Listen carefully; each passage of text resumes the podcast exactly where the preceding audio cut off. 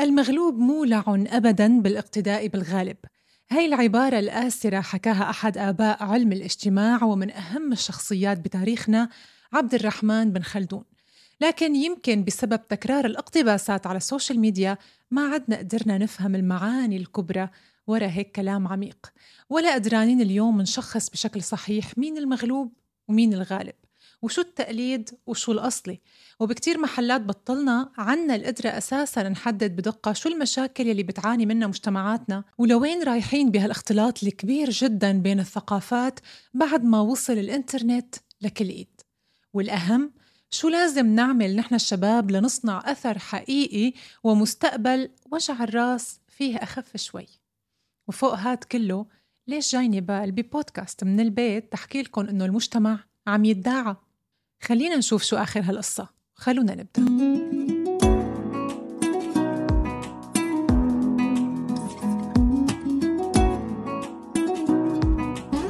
الخطر يلي بنبهنا عليه ابن خلدون بعبارته بيشرحه وبيستفيض فيه الدكتور يوسف زيدان الباحث والكاتب والروائي الحائز على جائزة البوكر عن روايته عزازيل. والإشارة بكلام ابن خلدون هو من أحد علامات انهيار المجتمع لأنه كل المجتمعات التي تميل إلى التقليد رح تفقد تدريجيا الدلالات الخاصة فيها يلي بتدل على هويتها. يعني بيصير في عملية استبدال لكل ما هو أصلي وبيعبر عن هوية المجتمع بشي حديث وكول من برا البلد. ويمكن ماني بحاجة أذكر كتير أمثلة عن الكم الهائل من الأمور اللي ما بتشبهنا وصرنا نسويها. وقبل ما نغوص أكتر لازم نفهم إنه في فرق بين التأثر والتقليد. فلما نقول إنه الحضارة اليونانية تأثرت بالمنجزات والثقافة الضخمة الفرعونية بيكون القصد إنه علماء وفلاسفة اليونان قدروا يدرسوا ما توصلت إليه الحضارة الفرعونية من علوم وأفكار. وبعدها طوروا عليها وصارت موجودة ضمن معتقدات اليونان بما يتلائم معهم كيونانيين. أما التقليد هو حرفيا لما نكون عم نقتبس تجربة ما بتلائم معتقداتنا ولا تاريخنا ولا ثقافتنا ومنحاول نجبر ونحور أنفسنا لنمشي مع هالشي المقتبس. ومن أوضح وأول مشاكل المغلوب مولع بتقليد الغالب واللي ينذر بانهيار وتدهور مجتمعاتنا هو استعارة اللغة. اللغة هي وسيلة التفكير عند الإنسان. فإذا كانت اللغة اليومية المستعملة بأذهاننا غير منضبطة غير منضبطة يعني ما في اتفاق جماعي على معنى هالكلمة ودلالتها. يعني منقول شيء بس بينفهم شيء تاني فبصير من الصعب على الإنسان أنه يقدر يوصل صور صحيحة عن نفسه. وهالشي كتير بيصير لما يكون عندنا رفقات من غير بلدان بيكون الكلمة اللي بنستعملها إلها ببلدانهم معاني مختلفة. والمجتمع غير القادر على التعبير عن نفسه حتما حتما نهايته هي ضياع الذات وعدم معرفة شكل وجهه الحقيقي. يعني منصير ما بنعرف حالنا مين نحن. وللأسف هي اللغة اليومية غير المنضبطة وفق التعبير اللي حكاه الدكتور يوسف زيدان موجودة بيناتنا فعلا. هالشي فعلا بدأ بالظهور بشكل كتير واضح. مثل استعارتنا لمصطلحات إنجليزية أو من لغات أخرى ضمن أهم وأعمق الأحاديث اللي منخوضة بحياتنا اليومية. أو منحكي مصطلح عامي بس بكل مجتمع ممكن بيعني شيء مختلف. والاتساع الكبير جدا بين اللهجات العربية أكبر مثال على كيف ممكن تكون اللغة حدود وفاصل بيصنع مجتمعات متعددة جوا المجتمع الواحد. وبالتالي رح نفقد أحد أهم معالم الحضارة وهو اللغة. بس على سيرة هالكلمة شو منقصد؟ شو يعني حضارة؟ وكيف ممكن تنهدم أساساً؟ بيقول الدكتور طه حسين الحضارة هي مجموعة من المظاهر المادية والروحية التي تشكل ثقافة مجتمع ما في زمان محدد بس شو يعني مظاهر مادية وروحية؟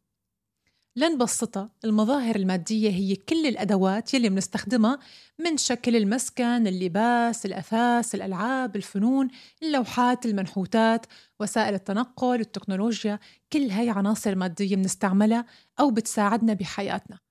أما الجزء الروحي فبيشمل الدين، المعتقد، تصورات نشأة الكون والطبيعة، شكل تنظيم الحياة، شكل الزواج والحب، العلاقات، كيف منكبر أولادنا على أي قيم، قيم بتنظم سلوك المجتمع مثل الكرم واحترام الغريب وتقدير الكبير ومساعدة المحتاج. خد لك وقفة لمدة دقيقة بأي بلد عربي عم تسمعني فيه وانتبه للمظاهر المادية والروحية اللي حواليك واسأل نفسك هل هي المظاهر أصيلة أم مكتسبة؟ هل هي من اختراعنا وإنتاجنا أو مصنعة برا ومستوردة؟ فقدان هي الظواهر هو من أكبر المنذرات بانهيار أي حضارة بالإضافة لمؤشرات تانية ذكرها ابن خلدون بمقدمته مثل تقليد الأجانب باللغة والثقافة والأخلاق تفشي الفساد والرذيلة أو الجهل في المجتمع فقدان الحمية والمدافعة عن الأرض تبذير المال والانفصال عن الجماعة وأكيد استبداد الحاكم وظلمه للشعب. وللتوضيح هي التصنيفات ما بنقصد بذكرها أنه هي موجودة اليوم بكل مجتمعاتنا وبالتالي رح تنهار الحضارة بكرة. الموضوع ما بهالبساطة. إنما أي حضارة لابد يكون فيها جوانب جيدة وجوانب سيئة ودورنا نشغل عقولنا ونصحح مسارات مجتمعاتنا ونتلافى الأمور اللي ممكن تؤدي فينا للانحدار والانهيار. ولما نحكي عن التلافي للمشاكل والمنذرات بالخراب لازم نحكي عن الحلول. طيب شو الحلول؟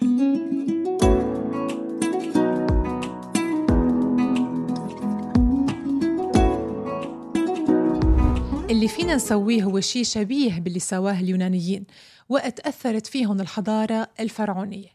تأثروا بعد دراسة ووعي وتدقيق وليس تقليد أعمى الدول والحكومات ممكن تمارس دور تعليمي حقيقي لتفادي الانجرار غير الواعي وراء ثقافات بتتضارب مع القيم والمبادئ اللي نحن عنا إياها. المثقفين والكتاب والفنانين والعلماء والدارسين والباحثين ممكن يقوموا بدورهم بشيء اسمه التثقيف العام وهو نشر الوعي بين الجموع العامة بحسب تخصص كل فرد وبالتالي ممكن تمتد المعرفة لدوائر واسعة بالمجتمع. نحن كأفراد ممكن نعمل إعادة ضبط للمفاهيم. نعذب حالنا بالبحث عن مصادر المعلومات والعادات اللي عم نمارسها وليش يفترض أو لا يفترض نمارسها. يعني نصير نقوم بالأشياء ونحكي كلامنا عن وعي باللي عم نسويه. واحدة من أهم الحلول لنبني مجتمع متماسك وواجب علينا بالمجتمع كلنا من حكومات وجمعيات وشركات وأفراد نشتغل عليها هي توضيح وترسيخ معنى الهوية. نحن مين وشو أفكارنا واعتقاداتنا وليش لازم ما نخجل بحالنا. وبنفس الوقت نفهم هوية الآخرين من دول تانية وأبعاد ثقافتهم وحضارتهم بحيث نحتك معهم بوعي بدون تقليد أعمى لأساليبهم وحياتهم. منطقتنا غنية بالحضارات غنية بالتاريخ بالإرث المعرفي الكبير ولكن ما بيصير ننظر لورا ونتحسر ونقول كنا وكنا. اللي لازم يصير إنه نصنع من أنفسنا اليوم حضارة نعتز فيها نحن وولادنا وأجيال لقدام.